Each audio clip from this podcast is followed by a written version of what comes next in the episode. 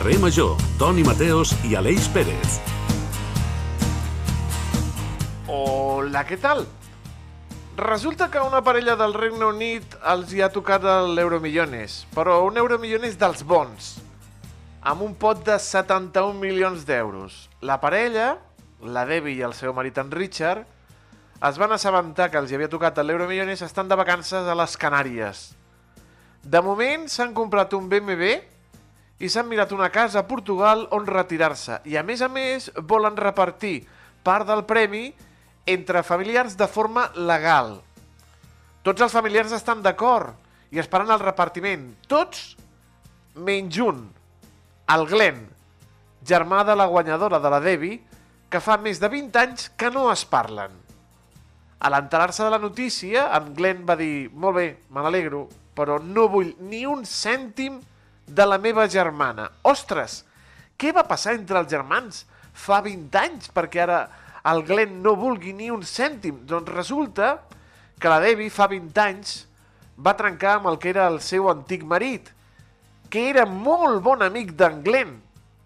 Ell es va enfadar i la seva germana doncs, va deixar de parlar-li. El Glenn ho ha intentat resoldre amb la seva germana, però va posar punt i final quan ella el va ignorar a l'interior d'un supermercat. I ara, amb un premi milionari pel mig i amb un repartiment legal, ni els diners diuen que li faran canviar de pensament. No vol saber res de la seva germana, de la seva germana milionària. Aleix Pérez, tu què faries en aquesta situació? Fidel als teus principis o et vendries per una quantitat de diners i vinga, abraçaries a ta germana? A veure, Toni Mateos, complicat, eh? Que, que aquí, aquí diu molt d'una persona. Crec, crec que també els motius i la manera en com ho ha viscut, no? Com, com, com ho vius, que, que et pot condicionar molt. Sí, jo crec que tiraria pels diners. A veure, si, si l'altra persona te'ls vol donar, coi, doncs els agafes de bon grat, no? I, i, i si realment no t'hi vols portar, doncs tampoc no, no hauria d'anar implícit, no? Seguir mantenint el contacte amb aquesta persona. Però... Parlem d'una... Per exemple, imagina't, 10.000 euros. A veure, 10.000 euros són molts diners, eh, Toni Mateos? 100.000 euros. Sí, és que, és que, és que potser sí, eh? Toni, és, que, és que sí. Sí, sí. No, no és... Et donaria per comprar la meitat del, del, del matalàs que et vas comprar tu aquella vegada, però jo crec Amb que... 10.000 euros, sí, home. Em puc comprar 9 matalassos. Però com doncs per les nits, eh? Uf, Aquell no t'ho pots, no pots ni imaginar, nen. No t'ho pots ni imaginar, vegades, eh? Com un bandito. allò que diu, està de moda ara entre els joves, allò de el, el teu imperi romà, no? en el que penses. Jo en el que penso de carrer Major és en el teu matalàs. Jo de tant en tant dic, ostres, el matalàs del Toni Mateos. Que bé Fantàstic. dormir. És fantàstic. No, pots, eh, no et pots fer una idea. Ja et passaré el telèfon de, de la botiga. I, I també una transferència bancària, si pots. No, això ja... això, parla, això parla en direcció. Carrer Major, el fem possible 8 emissores del Camp de Tarragona i la xarxa de comunicació local. Les 8 són eh, la nova ràdio de Reus, Ona la Torre, Altafulla Ràdio, Ràdio Montblanc, Ràdio La Selva del Camp, Ràdio Hospitalet de l'Infant, Baix Camp Ràdio i Ràdio Ciutat de Tarragona. El nostre tècnic és en Dani Sánchez, a tope d'energia sempre. No ho entenc, que es pren aquest noi. I un servidor, el Toni Mateos, que no té una germana milionària, no, més bé és més rata, no, vull dir, més pobra que una rata, i també molt rata. Benvinguts a la ràdio, benvinguts a Carrer Major.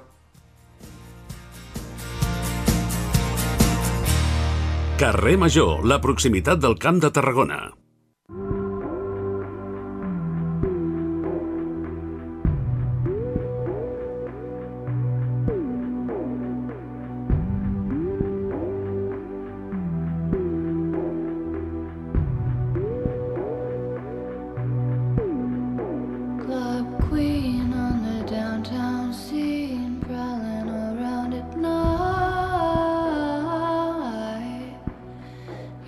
Camp de Tarragona és sempre ben viu i la Conca de Barberà ha nascut un nou cicle de conferències anomenat Retrobart, un seguit de xerrades sobre art desaparegut a la Conca, amb professionals de primer ordre.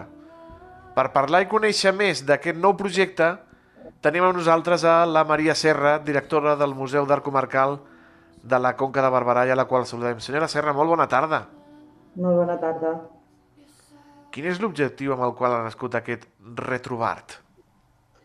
Bé, té diversos objectius, però sobretot parlar d'art, parlar d'art de la Conca, mm, poder traslladar-nos això a diferents punts de la comarca i recuperar aquest art a vegades perdut, no perquè no hi sigui, sinó perquè ha caigut en un plit, no se li ha fet cas, o directament per això, perquè físicament ja no existeix o està en un altre lloc i no, no en podem gaudir aquí a la comarca.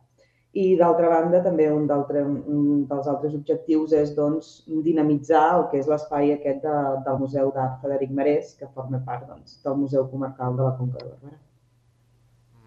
A més a més, aquest retrobart ha nascut amb, unint forces amb el campus extens de la Universitat Rovira i Virgili. Quin paper hi juga la universitat a, a la comarca de la Conca? La universitat té el campus extens vinculat a, al Consell Comarcal aquí a la comarca i després tenim doncs, un altre campus a, a Santa Coloma. Però bé, nosaltres ho hem fet a través del Consell Comarcal, ja que el Consell Comarcal també forma part de, del Museu Comarcal i, i des d'un principi doncs, hem pensat que era molt important que la universitat hi fos i que hi fos la universitat del territori com és la URB, perquè al final d'allí doncs, hi tenim tant docents com estudiants, alumnes o d'altres que ja hi han passat, ja estan llicenciats o graduats, que han treballat el que és l'art a la comarca i el patrimoni que tenim a la comarca i és important també donar-los veu no? i que ens puguin explicar eh, on han arribat les seves investigacions, els seus estudis i tots conèixer una mica més. perquè a més també no, el Camp de Tarragona és especialment ric en història i en objectes doncs, que tenen una, una història darrere, també una mica com es, com es recupera o com es troba o com, com, i com es dona a conèixer també aquest, aquest art desaparegut o que malauradament doncs, potser no ha tingut aquest reconeixement que mereixia. Eh, molts cops aquest art el que es troba doncs, és en documentació. Mm, Quan es fa recerca, doncs ho trobes documentat, no? que està explicat. Mm, Si aquest art ha desaparegut després de que existís la fotografia, a vegades també es troba fotografiat. Eh, clar, és anar a buscar no, no la peça en si, sinó on pot parlar-te d'aquestes peces. Inclús a vegades la memòria oral encara també pot servir per, per recordar, no? Hi ha molt I- d'art, com, sí. com comentava l'Aleix, hi ha molt art desaparegut o destruït a la Conca i al Camp de Tarragona? Sí, i tant, sí. Sí, malauradament sí, hem destruït molt i desaparegut també. Clar, molts cops mm, el que ens ha passat aquí a la comarca, eh, i en el cas de Montblanc, és que hi ha art que s'ha considerat eh, això destruït o desaparegut, pensant que mai més es podria trobar i realment de vegades no és que hagi estat destruït, sinó que simplement és això, ha desaparegut. Ens ha desaparegut d'aquí, però ha anat a parar a una altra banda.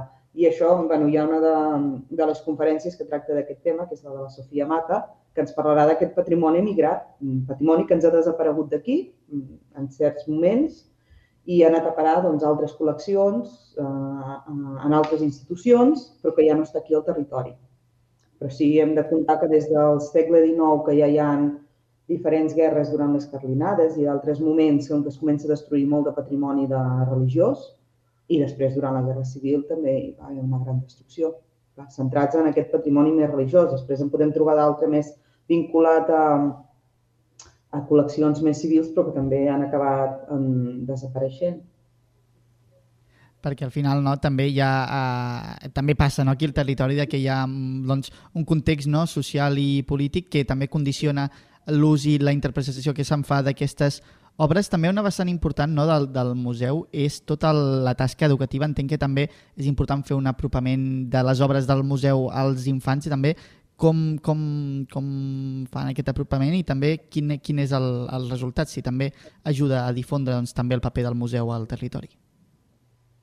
Sí, nosaltres amb el que són les escoles i en educació sempre intentem fer aquesta didàctica del patrimoni, de, de posar-lo en valor, de que realment entenguin que té un valor i, i que, que, el puguin, que, el, que el pugui ser tangible. Llavors, molts cops les activitats que fem és perquè sigui una experimentació, no? que sigui una experiència que visquin i que realment no és perquè els hi diguem nosaltres, perquè som un museu, sinó que puguin viure no?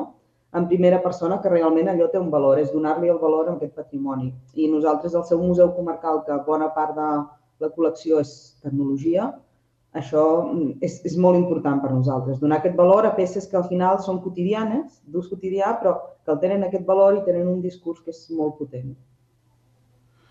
Aquest retrobar comença el proper dijous amb una conferència amb el Joan Llegües.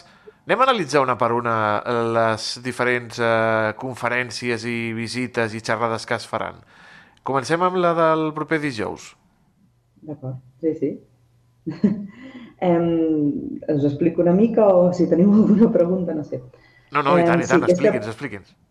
Sí, us explico. Mm, Per muntar el cicle, a veure, mm, teníem encara més conferenciants no? i participants que ens hagués agradat, doncs, persones que, que haguessin pogut participar-hi, però hem hagut de començar per alguna cosa, no? No, tampoc volíem omplir molts dies, és la primera edició i llavors, doncs, a poc a poc poder anar fent-ho gran i també no, experimentar una mica com va aquest primer any. Però sí que volíem això, que hi hagués tant gent de la universitat com professionals, o sigui, que potser no estan a la universitat, però per la seva feina no, també estan eh, vinculats eh, amb aquesta temàtica i que al final es pogués tocar, com us deia, això, eh? tant el que és eh, l'art a la comarca i el patrimoni a la comarca, com també mm, donar una mica de rellevància a tota la feina doncs, que va fer Federic Marès al final i que ha fet que aquesta col·lecció quedi i una part estigui en Montblanc, no? que és aquesta recuperació de patrimoni oblidat al final, patrimoni que molts cops doncs, ja no es tenia en compte i ell va anar col·leccionant. En aquesta primera conferència del Joan Llegües, el, el que es farà és una mica una repassada per diferents punts de la comarca on hi ha aquest art comarcal, no? que forma part de la comarca que està aquí i doncs, que està com a disseminant no? pel territori i al final passarà per això. Els segles escollits doncs, perquè ell és el conservador d'aquesta època al Museu Nacional d'Art de Catalunya, llavors el que ell toca i el, en el que hi té mm, doncs, més la mà trencada i per això parlarem més d'aquest tema.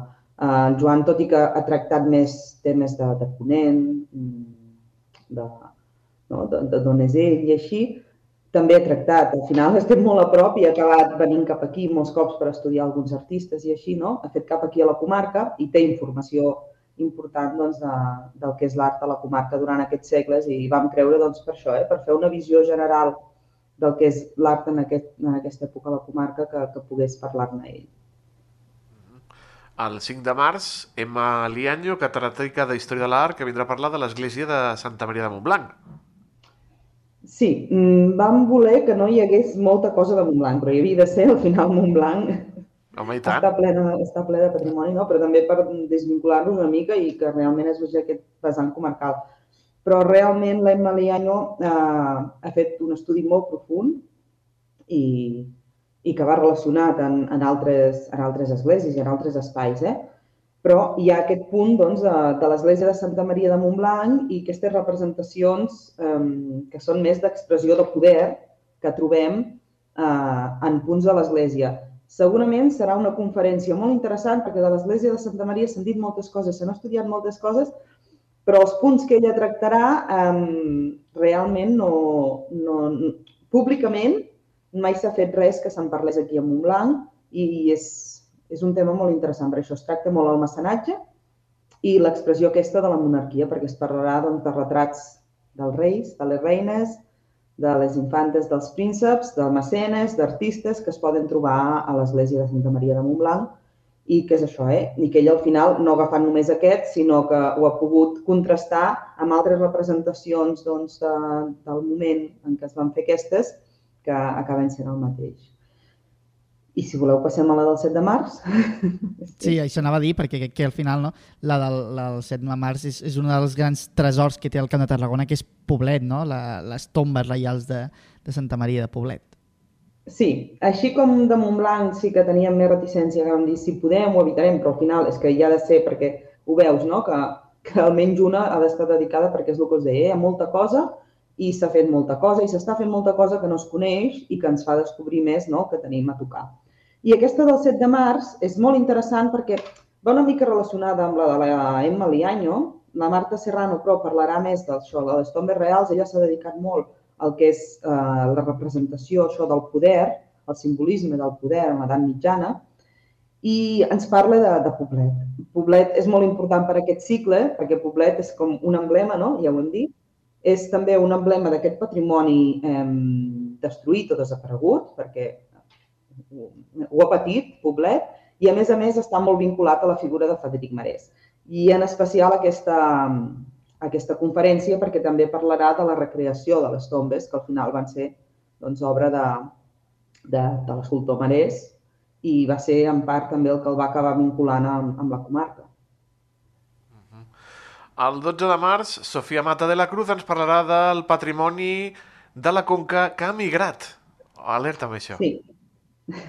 Sí, mm, com us deia, que abans m'ho preguntàveu, no? a vegades és amb la documentació que et trobes no? aquest patrimoni que, que ha marxat o, o que directament s'ha destruït i l'única font que entens és la documental o la fotogràfica. En aquest cas, la Sofia, com ha estat tants anys treballant a, al, al Museu Diocesà de Tarragona, ha estat treballant en arxiu, clar, ha treballat el que és el territori al final i, i ha pogut resseguir la història d'algunes peces que han sortit doncs, de, de parròquies, d'esglésies, no? de zones mm, d'aquí la comarca i que realment no han estat potser destruïdes, sinó que més aviat és això, és desaparèixer, que han desaparegut d'aquí i han fet cap a altres llocs. Llavors la Sofia ens acabarà parlant d'alguns casos d'aquests, doncs, de patrimoni migrat que era de la comarca, va sortir de la comarca, però ara es troba en altres punts.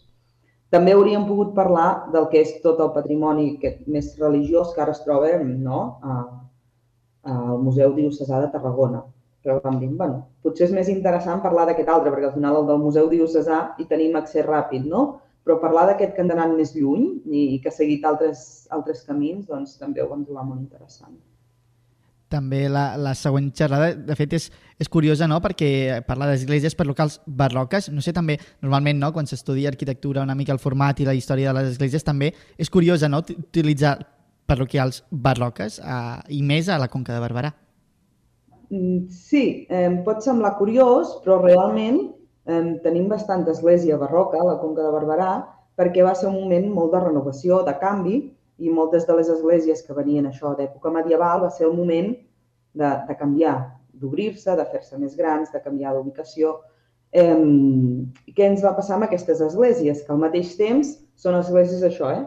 que es fan segle XVII, XVIII, i després trobem el que us deia, eh? el segle XIX-XX, aquestes esglésies heu de pensar que eren l'arquitectura i després tot el que portaven dins, que en bona part doncs, hi van haver molts retaules que també durant tot el segle XVIII encara se n'estan construint i vesteixen aquestes esglésies. Ja en el segle XIX i el segle XX, com dèiem, amb aquestes guerres, mm, bona part es va destruir. I el que va acabar passant és que en molts casos les mateixes esglésies van haver de, de, de, de patir reformes no? en l'arquitectura, canvis. I això fa doncs, que eh, aquest, aquests estudis que ha fet l'Anna Isabel Serra Masdeu sobre les esglésies barroques a, de la comarca sigui interessant, perquè al final també ens acabarà parlant de, de parts d'aquest patrimoni més arquitectònic que, ja no podem veure o que han canviat. No? I explicar també això, la importància d'aquestes esglésies, perquè estem molt acostumats a veure-les, perquè és això, realment en tenim bastantes a la comarca, però mm, donar-los aquest valor que, que es mereixen també, no? Perquè a vegades sembla que les medievals tenen com més valor, no. Mm, totes en tenen perquè totes expliquen un moment històric i jo crec que ella fa molt, molt d'èmfasi en les singularitats i, i la identitat local perquè al final l'Església estava feta perquè hi anés del poble, no? Llavors se devia estar bastant a, als usos i les costums bueno, de cada població.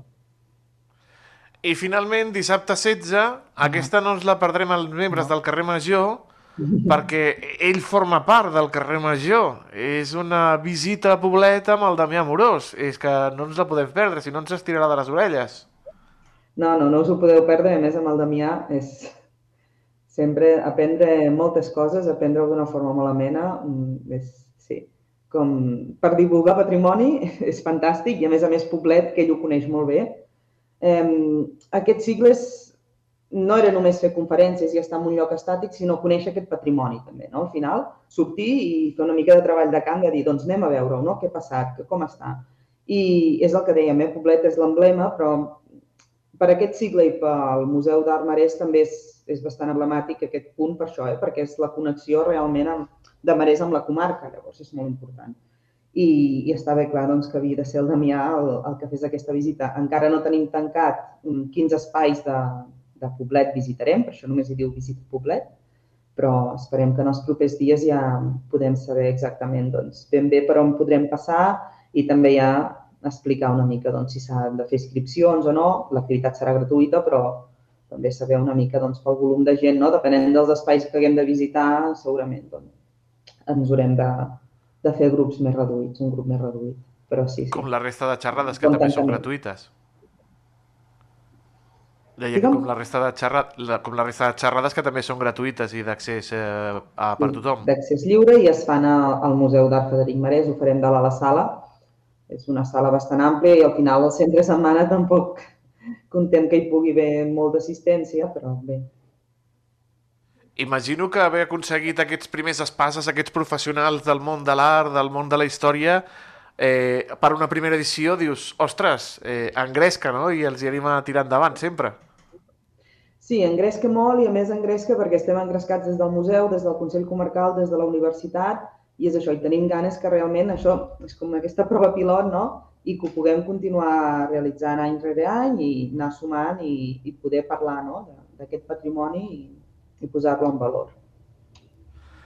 Doncs Maria Serra, directora del Museu d'Art Comarcal de la Conca de Barberà, moltíssimes gràcies per il·lustrar-nos una miqueta sobre aquest retrobart. No ens perdrem, eh, el seguirem de ben de prop i ja saben que la del Damià hem d'anar-hi sí o sí. Eh, moltíssimes gràcies per participar Moltes aquesta tarda al gràcies a carrer Major. vosaltres. Bona tarda. Bona tarda, gràcies. Cada tarda de dilluns a divendres fem parada a Carrer Major.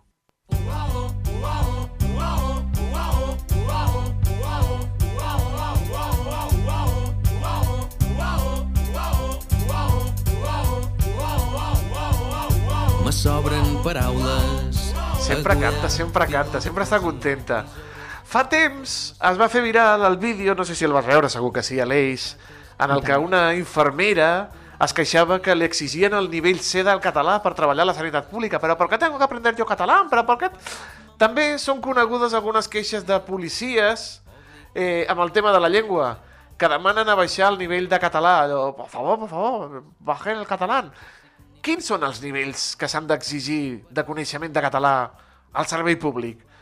Avui ens traurà de dubtes la nostra lingüista, la Agnès Toda, com cada 15 dies. Agnès, bona tarda. Bé, bona tarda. Eh, de bones a primeres, el tema és que tenim drets eh, lingüístics i tenim drets a ser atesos en català. Eh, totes aquestes coses van canviar. De fet, amb tot allò que va portar tant de revulsiu, que després va, va ser com l'inici del procés, que és l'Estatut de Catalunya, eh, aquella cosa que es va intentar canviar, el que va, eh, en el que coses que es van canviar i que es van canviar a Madrid i que ens van perjudicar, van en aquest sentit, en el sentit de la llengua. Abans teníem el dret a parlar en català i, i, i que, que se'ns respongués en català. Ara, mm, no. Ara som bilingües i, per tant, tenim el dret que se'ns atengui en català i l'altre també té el dret a parlar en castellà. Té el dret a parlar eh, en català i en castellà, eh? no les dues llengües, però doncs també té dret a parlar en castellà.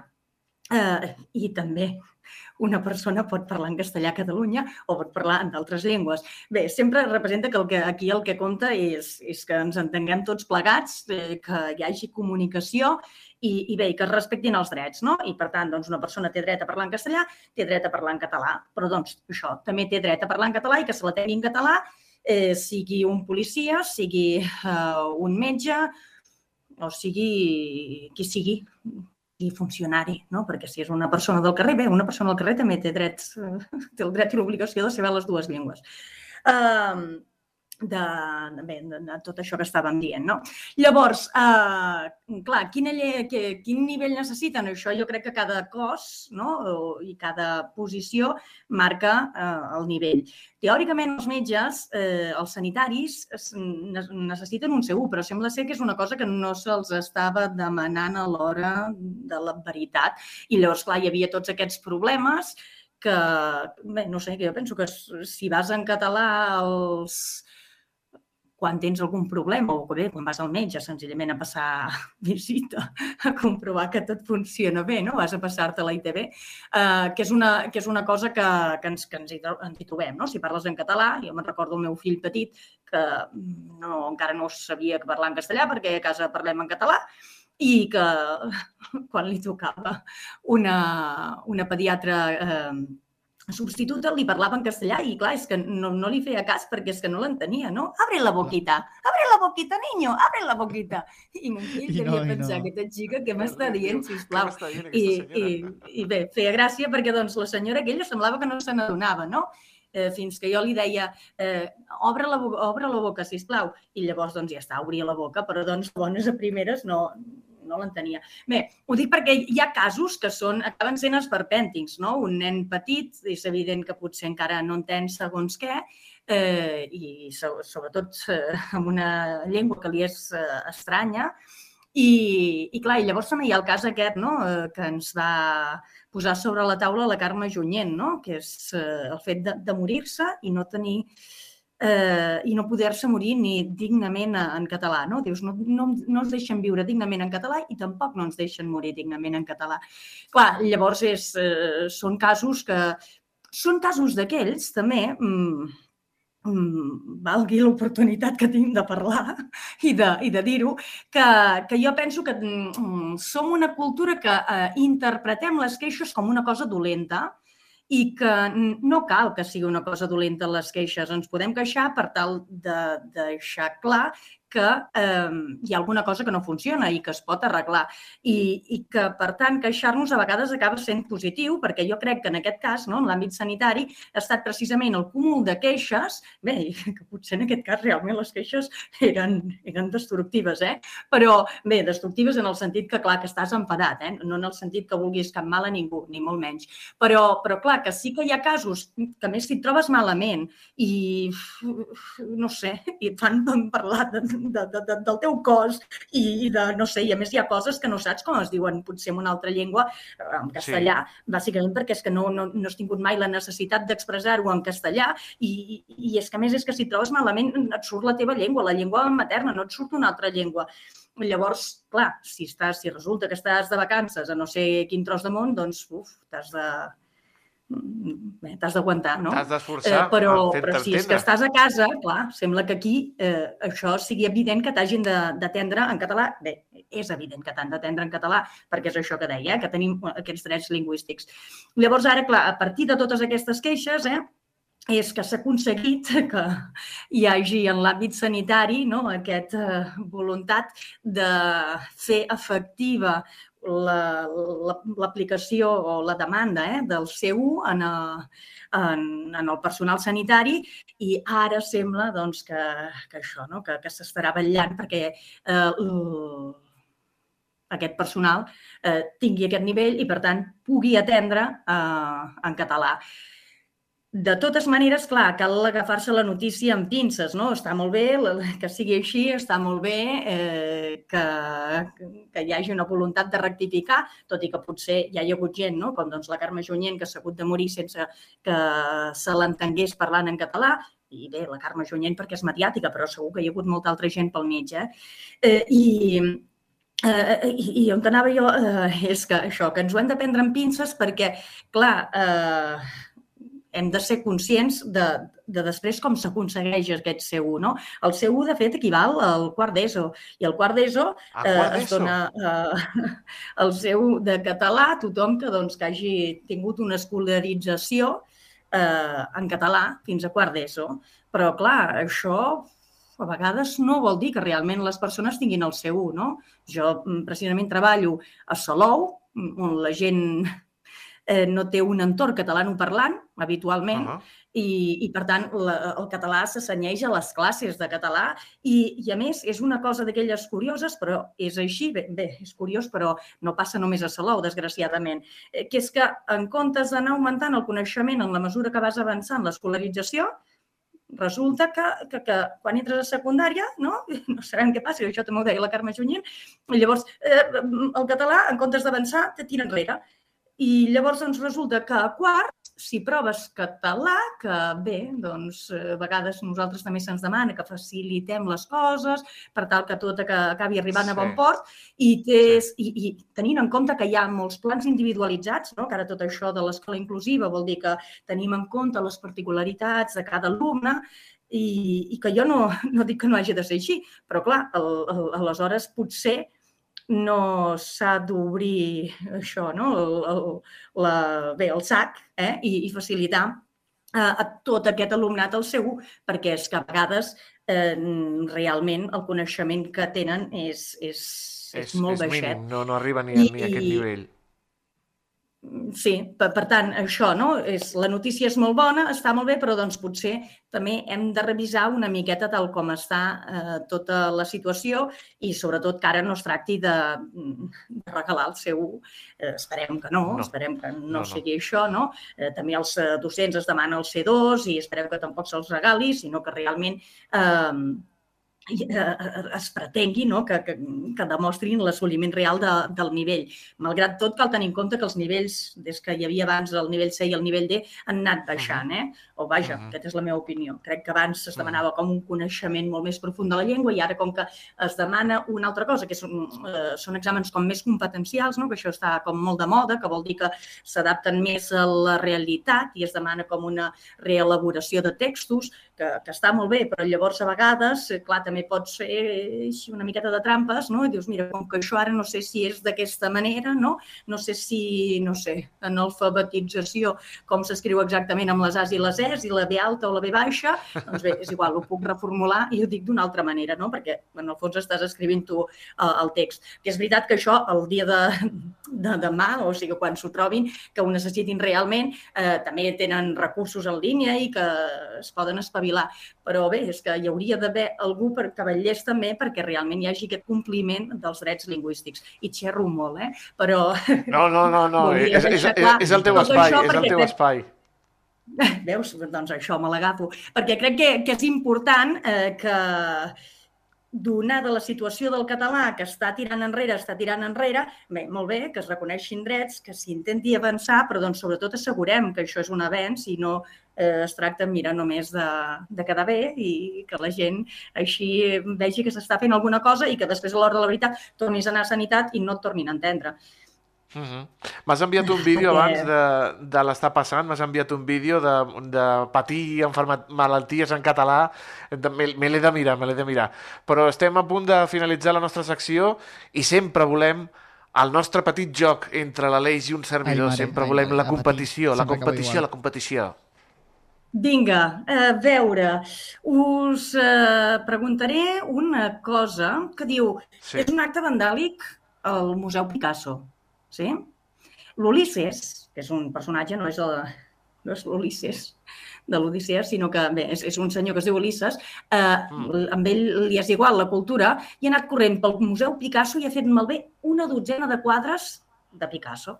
Una estona Ui. després, però, el director del museu l'ha convidat a una recepció en honor seu per agrair-li calorosament el que ha fet. Què ha passat? Vinga. Ha fet deu ser? un acte vandàlic al Museu Picasso. Sí, sí, ha destruït tot d'obres de, del Picasso, una cosa, una 12, passada. 12 obres de Picasso i, i, i, el, i el director l'ha I en convidat... canvi, després, després li acaben agraint. Què deu haver passat aquí? Clar, això no és ben bé de llengua, eh? però bé, ens fa pensar una No, miqueta és, que de- és bé. d'imaginació, de No posar res. l'imaginació. Eh, no sé, mm, a mi això me recorda una, un acudit que hi vaig veure que una senyora que eh, ordenava una habitació i el Guernica el deixava també ben ordenat. No té res a veure, no? No, no, no, estava bé de, No? això de deixar el Guernica ben ordenat. Um, si després se li agraeix, senyal que deu treballar, va, vinga, va, una cosa que va vinculada amb la professió. Ulisses, que ha treballat... Eh, mm, Ha fet malbé No sé. una dotzena de quadres i malgrat tot, després, ei, moltes gràcies. Eh, els ha penjat eh, al revés o, o, o, o vés a saber? O, Els ha girat, sí. els ha girat? Vinga, va, diu, "Ara treballa en un correctes." ofici que, d'aquells oficis que dius, ostres, espero no veure't mai. Saps? Bé, una miqueta és també com a sanitat, no? Segons qui. Cobrador del Eh, frac. si s'encarrega d'operar, dius, jo millor si no et veig, eh, treballant, jo després a Cobrador fora ja farem les cerveses que vulguis. Eh? Diu l'Aleix cobrador del frac. Ah, bé, però, però doncs algú que, segons com hagi de destruir coses, perquè hi ha professions a vegades que per fer un bé primer han de fer un mal. Eh, no ho sabem, no, no, no ens en sortirem. Per amb més. exemple, no? si tens un accident de cotxe, eh, igual per treure, Ah. l'han de destruir. Ho Un bomber. això? Doncs era un bomber.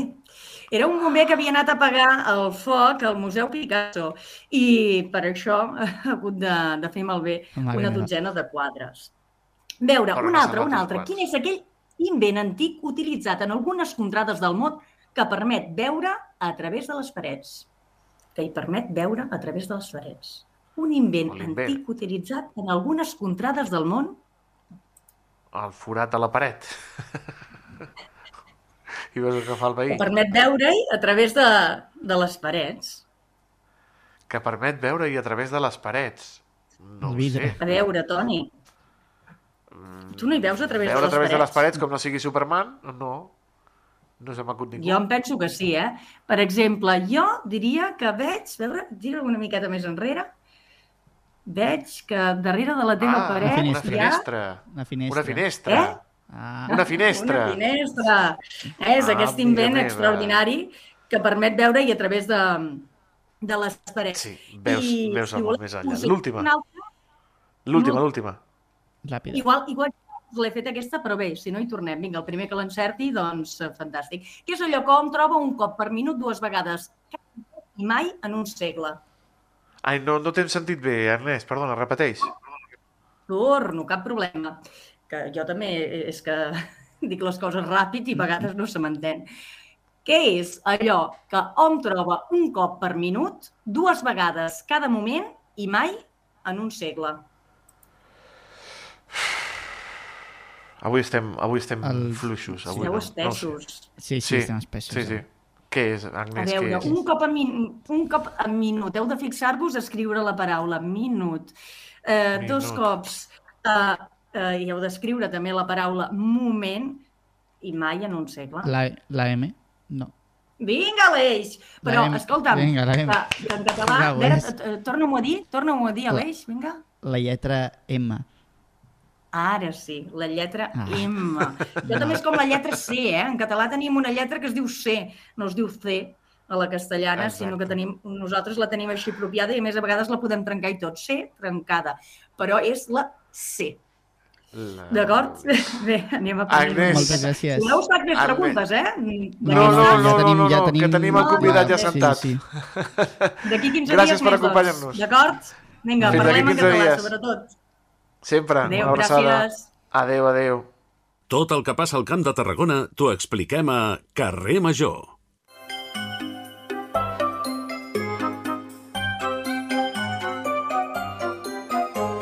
Catalunya Cultura i el Club Super 3 presenten Una mà de contes.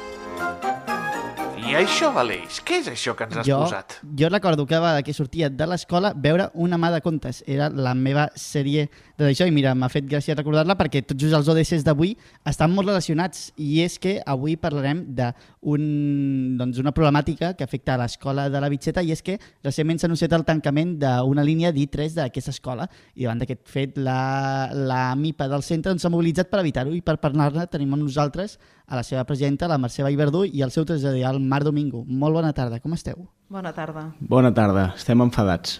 Sí, no?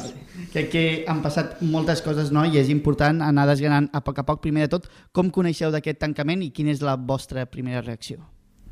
Bé, el tancament li van comunicar a la directora del centre el dia 6 de febrer i aquella mateixa tarda ens ho va fer saber a tota la comunitat. Uh, llavors, des d'aquell moment doncs, ens vam començar a organitzar um, amb, tota, bueno, amb tots els pares i totes les famílies de l'escola uh, per deixar clar que ens oposàvem al tancament. I, mm, no sé, també una mica, la primera reacció no va ser manifestar-vos, sortir a, al carrer també una mica reivindicar doncs, que, doncs, que estàveu en compte d'aquest tancament. Correcte, eh, eh, tota la comunitat, perquè nosaltres l'escola de Bitxeta és una comunitat d'aprenentatge, eh, ho vam rebre amb, amb molt de dolor, eh, perquè ja és el segon any consecutiu que ens, que, en, que ens ho anuncien i, i, i evidentment estem molt rebotats. Llavors, tota la Junta de la MIPA ens vam posar d'acord el- l'endemà mateix de saber-ho i a partir de llavors vam programar una sèrie d'entrevistes i mobilitzacions per, per tal de que tota, tota la política, tant local com, com, com catalana, sàpiga que no estem gens a favor d'aquest tancament de línia. I quina ha sigut la reacció tant de l'Ajuntament com també de, dels òrgans eh, de la Generalitat? L'Ajuntament ens ha mostrat el seu suport, eh, de fet en, en, es van reunir amb el departament per demanar-los que no es tanqués la línia i, i proposar-los un altre pla diferent, eh, perquè l'excusa del departament és eh, la baixa natalitat, és a dir, hi ha menys demanda de places, per tant han de reduir l'oferta, Uh, però això es pot fer de moltes maneres. Uh, la manera que a nosaltres ens agradaria passa per dos punts, que és uh, baixada de ràtios de la pública, si és necessari, i uh, canviar la regulació uh, de l'escola concertada de manera que, que, bueno, que, que, que siguin ells els que se'ls també se'ls pugui retallar um, places, perquè ara mateix com està regulada, com és la llei de concerts, uh, al final qui acaba tenint l'última paraula sobre les places que surten i sobre les línies que surten són ells mateixos. Llavors, um, clar, és, és difícil competir si, si competeixes a dos lligues i amb, i amb normes diferents és, és molt difícil. Um, Llavors, eh, sembla que per part de l'Ajuntament doncs, estarien d'acord en aquesta línia, en aquestes idees nostres i han anat, eh, ho han plantejat al departament, estan pendents de que els hi contestin. Nosaltres també estem pendents de tenir la reunió amb el departament i traslladar-los el nostre punt de vista. Um, i per tant, és dir, per part del departament no sabem res més que la comunicació que va rebre la directora i que ens, eh, ten, ens han emplaçat a una reunió el dia 5. La vam sol·licitar nosaltres, eh, la reunió, vull dir, mm, no, no, no ha sortit del departament això. Um, quines expectatives aneu precisament en aquesta reunió del dia 5? Sou optimistes? Sí, nosaltres som optimistes perquè creiem que tenim motius de pes més que suficients com perquè eh, reverteixin aquesta situació, ja que va ser en la taula de planificació del 20 de desembre quan, quan això es va decidir que la nostra escola sortís a una sola, a una sola línia. I tornant una mica al que comentàvem abans de la ràtio, el tema està, com comentava la Mercè, és que inclús mantenint la que van, la, amb la que vam sortir l'any passat ja, ja, ja s'aconseguiria mantenir la, la línia de la nostra escola. No hem d'oblidar que després quan arriba a primària hi ha una matrícula viva molt, molt important aquí a Reus i això tensionaria encara més el sistema, si el fet de sortir a una sola línia, el qual necessitem sortir a dues línies i només mantenir la ràtio de 19 ja, ja, ja, que és el que es va sortir el curs passat ja es manté, perquè el que, el que volen fer ara és sortir a 20. És a dir, estem anant en contra de, de, de, de, de lo que s'està marcant cada any, que és anem a reduir ràtios, o com a mínim mantén-la, no, no, no, no augmentis. Per tant, són una mica informacions contradictòries, no? També. Totalment. I, i a més hi ha, un, hi ha una problemàtica afegida, no? I és que les preinscripcions també són una mica la data límit, no? Gairebé, per trobar una, una entesa o saber ben bé què acaba passant aquí. Clar, és molt complicat demanar a les famílies que es preinscriguin a una escola um, que, no, que realment no saben si el seu fill uh, tindrà plaça. És dir, si trien la bitxeta com a primera opció i finalment surt amb una línia, um, les probabilitats d'entrar són més baixes que si surt amb dues línies. Uh, llavors és molt difícil i, i, i jo personalment no crec que sigui just demanar-los aquesta implicació a les famílies, encara que tinguin la il·lusió per entrar a la bitxeta, que això, um, doncs, encantats de rebre'ls, no? però que, que no hem d'anar a apretar aquestes famílies, jo crec que qui s'ha d'apretar és el departament perquè, com tu dius, mm, presenten, és a dir, la justificació que donen per tancar la línia es contradiu amb, quan després tu fas números, els números que surten, i també es contradiu amb el fet de dir mm, si, si tanta sobreoferta hi ha que necessites tancar una línia de la ciutat, per què després passes de 19 a 20 a la ràtio de les altres línies? No, és que no s'aguanta per enlloc. I a més també no hi ha el tema de, de les escoles concertades també, que al final és, és aquesta, Correcte. aquesta diferenciació inclús també no, repercuteix inclús en el mateix sistema d'educació de, pública, aquest, aquesta problemàtica amb les concertades. Sí, perquè de fet vull dir, el, el, i a més a més això és algo que hem sapigut aquesta mateixa setmana, que és que aquí a Reus la majoria d'escoles concertades surten a 23 alumnes, mentre que a la pública se l'obliga a sortir a 20, i en canvi, per exemple, a una ciutat com a Tarragona es posen tots d'acord i surten a la mateixa ràtio que les escoles públiques. És a dir, només amb aquestes 18 línies que té dit 3 mm, traient-li els, els, aquests tres alumnes més que sortirien per aula, ja són 54 alumnes. Això són més de dues línies de l'escola pública. O sigui, és, és, és un sense sentit eh, total. I a més a més, no oblidem que hi ha l'altre tema, i és que les escoles concertades aquí a Reus han anat creixent, han crescut. Escoles que tenien dues línies, ara en tenen tres. Doncs bé, estarem molt atents a, en què acaba passant no, d'aquesta reunió del dia 5, de, farem el seguiment com sempre a Carrer Major. Moltíssimes gràcies Mercè Vallverdú, Marc Domingo, presidenta i tresorer de, de la MIPA de la Bitxeta, per venir a explicar aquesta realitat no, que, amb la que us heu trobat, no us ho esperàveu i esperem que resolgui de la millor manera. Moltes gràcies. Gràcies.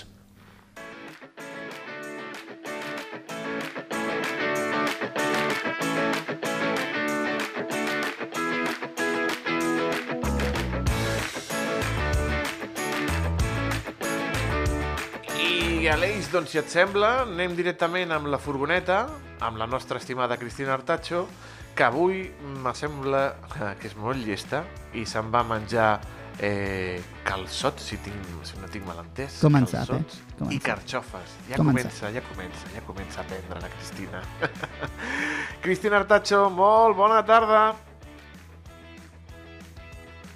Dia més aquí a la Furgó. Avui tornem a estar molt a prop del mar perquè som al càmping Les Palmeres de Tarragona. M'acompanya el que és el responsable de la restauració del càmping, però que també és el president de l'Associació d'Empresaris d'Hostaleria del Baix Gaià, el Jorge Piera. Molt bona tarda, Jorge. Bona tarda.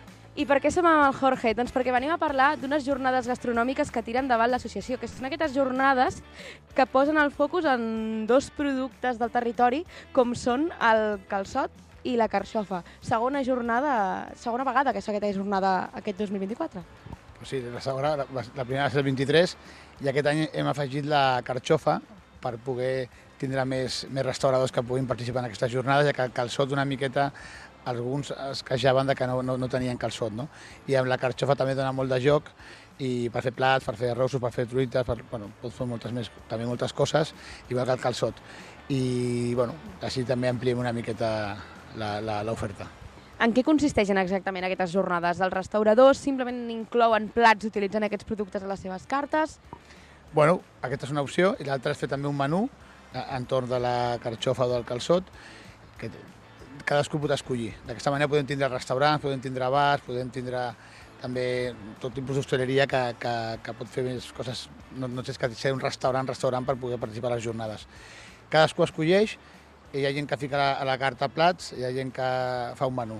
Eh, D'aquesta manera el que fem també és que, que duri, que duri més, més temps, durarà crec que són dos mesos, eh, i també agafem la Setmana Santa perquè volem donar a conèixer quan estem a tope, no només eh, reforçar la temporada baixa, sinó també la temporada alta, que tot els, els- restaurants que tenim més visites, que normalment és a la platja, també donar a conèixer que també al Baix Gaià tenim també mar i muntanya, no? o mar i interior, no?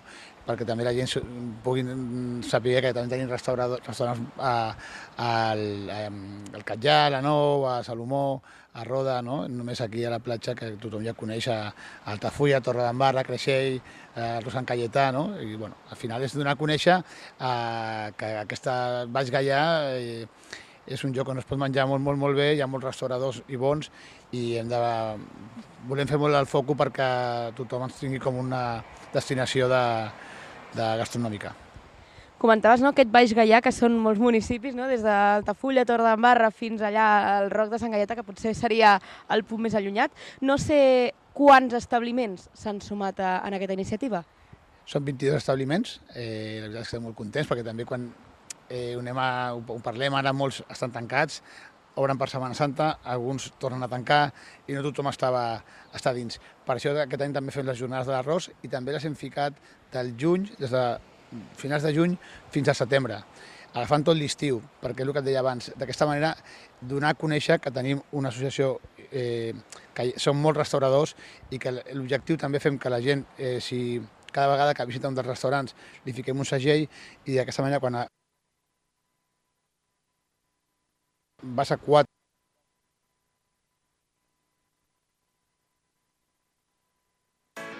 de diferents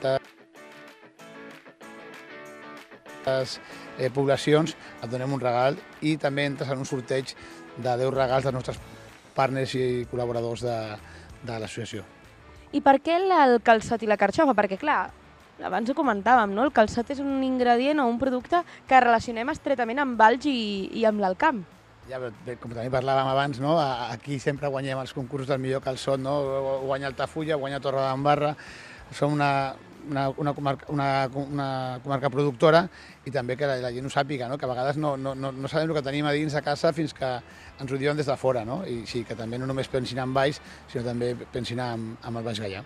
I quines possibilitats gastronòmiques en es pot donar? Vull dir, tu també ets restaurador, no sé quina proposta, potser més innovadora o potser no, tu proposes en algun dels teus restaurants. Bueno, nosaltres tenim un restaurant japonès a, a Torredembarra, que és Quatre Maquis, i, i fem uns, uns yakisoba amb carxofa, que això no, jo no ho havia tastat, i la veritat és que quan ho van, ens ho va donar el xef ens va agradar molt. També farem, la, això ja és més típic, la carxofa amb, una, amb un ou escalfat i pernil, pernil ibèric, eh, un arròs de carxofa i, i, i rap, bueno, diferents plats. Tenim diferents restaurants, també tenim a de Torredembarra, tenim també el Quatre Lates i a cada un d'aquests restaurants farem una oferta diferent, igual que faran tots els, meus, els nostres companys, que quan van fer la presentació realment hi havia coses que eren superinteressants i que, i que a la gent li encantaran. I, i això és la, el que busquem, que tothom ho pugui tastar i que, i que quan més coses tastem, doncs, doncs millor, no? I que, i que la gent ho passi bé aquí a- al Baix Gaià, que aquest és l'objectiu, disfruti menjant.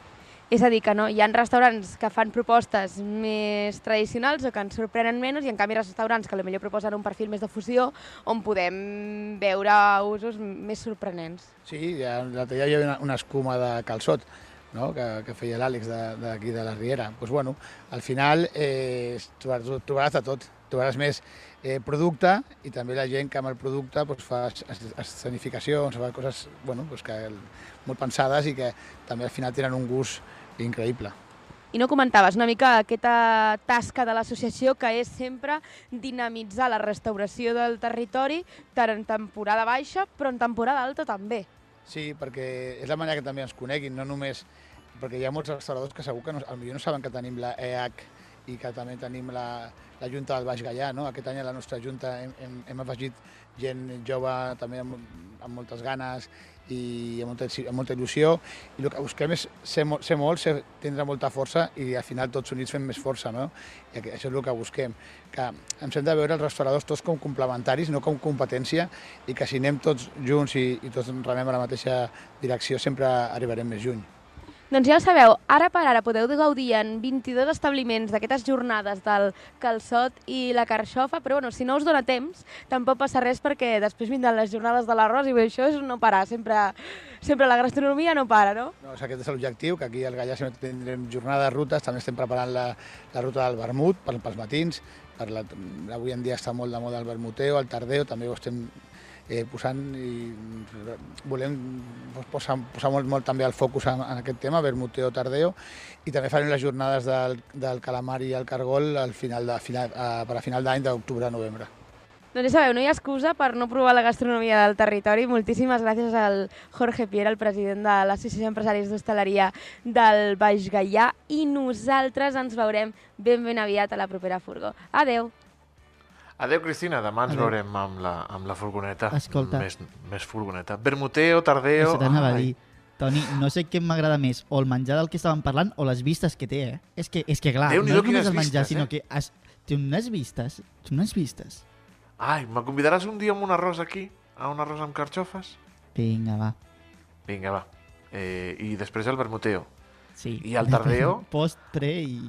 El tardeo amb carrer Major, sempre. Amb les 8 emissores del Camp de Tarragona. Tornem demà. Gràcies, Aleix. Fins demà, igualment. adéu. I a tots vostès també els esperem demà aquí. Que vagi molt bé.